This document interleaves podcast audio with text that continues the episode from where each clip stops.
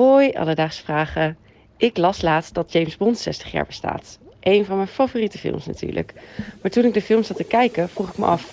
welke beroepen hebben de license to kill? Alledaagse vragen. NPO Radio 1. BNN Vara. Podcast. Met Merel Wielaert en Aaron de Jong. Dankjewel Nienke uit Utrecht voor het insturen van je vraag. En inderdaad, vandaag is het precies 60 jaar geleden dat de James Bond-serie haar debuut maakte op het witte doek. Merel, fan van de serie? Eh, ik heb echt niets met James Bond. Nee. Wel meer met de eh, muziek, want er zitten vaak wel gewoon toffe titeltracks bij. Maar nee, dit figuur zou, kan me echt gestolen worden. Ja, nee, ik eh, moet eigenlijk bekennen, ik schaam me er een klein beetje voor, maar ik heb dus nog nooit een James Bond film gezien.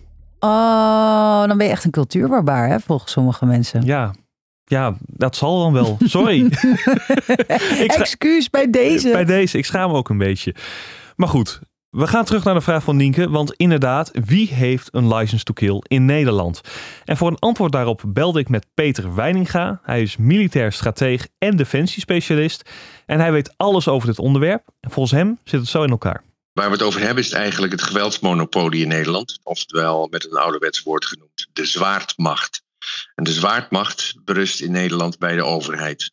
Dat wil zeggen, bepaalde overheidsdiensten kunnen in de uitoefening van hun eh, taken eh, gebruik maken van eh, wapens, van vuurwapens. Geweld aanwenden dus. Ehm, daaronder zien we natuurlijk defensie, hè, dus de, de krijgsmacht, zeg maar. Daar hoort ook de politie bij. En daar hoort sinds kort blijkbaar ook de staatsbosbeheer bij, boswachters. Maar dat betekent absoluut geen license to kill. En dat betekent in feite dat ze dat wapen in het uiterste geval mogen gebruiken ter zelfverdediging. De boswachter. Ja, je weet dat ik me nu op mijn borst ga kloppen, maar we hadden het er al kort over op de redactie.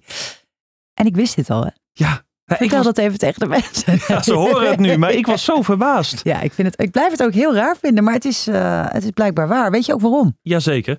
Ehm ten eerste, het is niet zo dat elke boswachter een vuurwapen heeft. Dat wordt namelijk bepaald door het ministerie van Justitie en Veiligheid. Die kijkt naar het gebied waar een boswachter werkt. En bepaalt dan of het nodig is dat diegene een vuurwapen draagt. En het komt onder meer voor bij boswachters die werken in gebieden waar veel actief wordt gestroopt. Eh, maar sinds een aantal jaar ook gebieden waar veel drugsafval wordt gedumpt. Eh, en het is toch een aantal keer blijkbaar voorgekomen dat ja, een boswachter een confrontatie had met die mensen. Eh, en een wapen, ja, dat het zo uit de hand liep dat zelfverdediging met een wapen nodig was. Hmm, Oké, Behoorlijk heftig. zeker. Ik vraag me dan wel af, zit daar een grens aan? Want ik heb dan misschien wel niet de James Bond films gezien. Maar van wat ik begrepen heb, kan het er in die films behoorlijk, nou ja, losjes worden omgesprongen met die license to kill. Hoe zit dat in het echt? Ja, de grens zit eigenlijk in de geweldsinstructie die voor iedereen geldt. Ik zei al, hè, boswachters in principe alleen maar uit eh, zelfverdediging. En dat geldt eigenlijk in het algemeen ook voor de politie. Als de politie in het nauw komt, eh, bedreigd wordt of collega's bedreigd worden. eh, en het kan niet anders dan eh, verholpen worden door een vuurwapen te gebruiken. Dan mag de politie dat doen.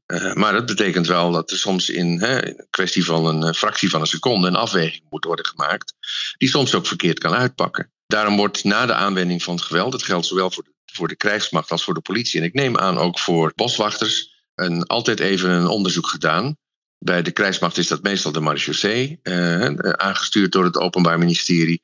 Bij de politie is dat de Rijksrecherche, aangestuurd door het Openbaar Ministerie. Bij in het geval een, een eh, boswachter van Staatsbosbeheer zijn wapen gebruikt, weet ik dat niet precies. Maar ik ga er ook vanuit dat daar toch ook wel even een onderzoekje wordt gedaan. Alledaagse vragen. Merel, zoals we net van Peter hoorden, een license to kill is toch echt iets van de film. En in het echt zit het toch een stukje anders. Maar ik was wel benieuwd, want ja, die films zijn behoorlijk sensationeel. Zou er ooit een echt James Bond hebben bestaan? Dat ga jij me nu vertellen, Nick. Ik ga je dat inderdaad vertellen. En om precies te zijn, niet ik, maar Jorrit van der Valk. Hij is namelijk de hoofdredacteur van JamesBond.nl. Dat is echt voor de Bond-fans in Nederland. Hij is een absolute kenner van alles wat met deze geheimagent te maken heeft. En kan ook vertellen over hoe dit personage tot stand is gekomen. Nou, het personage James Bond is verzonnen door eh, eh, Ian Fleming, de bedenker en de geestelijk vader van James Bond. Het personage heeft dus nooit echt bestaan, maar er zijn wel degelijk mensen die het werk van James Bond doen. Ian Fleming was een naval officer eh, tijdens de Tweede Wereldoorlog en had een team van ongeveer 30 eh, eh, mariniers onder zich. En die deden missies behind enemy lines. Dus ze bestaan wel degelijk. En zeker nu ook nog. Hè? Want er wordt natuurlijk volop geïnfiltreerd uh, in de oorlog uh, Oekraïne-Rusland. daar kan je vanuit gaan dat Oekraïne, maar ook de Russen zeker ook spionnen à la James Bond inzetten. Nou, hij klinkt wel als een romanticus hoor, als het om James Bond gaat. Ik denk wel dat we aan mogen nemen dat de verhalen inderdaad wat zijn aangedikt. Zet maar eens een film aan, Aaron, dan ga je zien dat het aangedikt is. Ik moet die films inderdaad maar eventjes gaan kijken. Dus Nienke, om een antwoord te geven op je vraag welke beroepen hebben een license to kill? Eigenlijk en waarschijnlijk gelukkig zijn dat er maar heel weinig. Het gaat namelijk om militairen, agenten en in bijzondere gevallen dus boswachters. En voor het overgrote gedeelte van hen geldt dat ze alleen geweld mogen gebruiken in een noodgeval ter zelfverdediging. En heb jij ook nog een vraag? Stuur ons dan een berichtje op Instagram. Dat kan naar Alledaagse Vragen. Of stuur een mailtje naar alledaagsvragen.radio1.nl en dan zoeken we het voor je uit. Alledaagse Vragen. NPO Radio 1. BNN Vara. Podcast.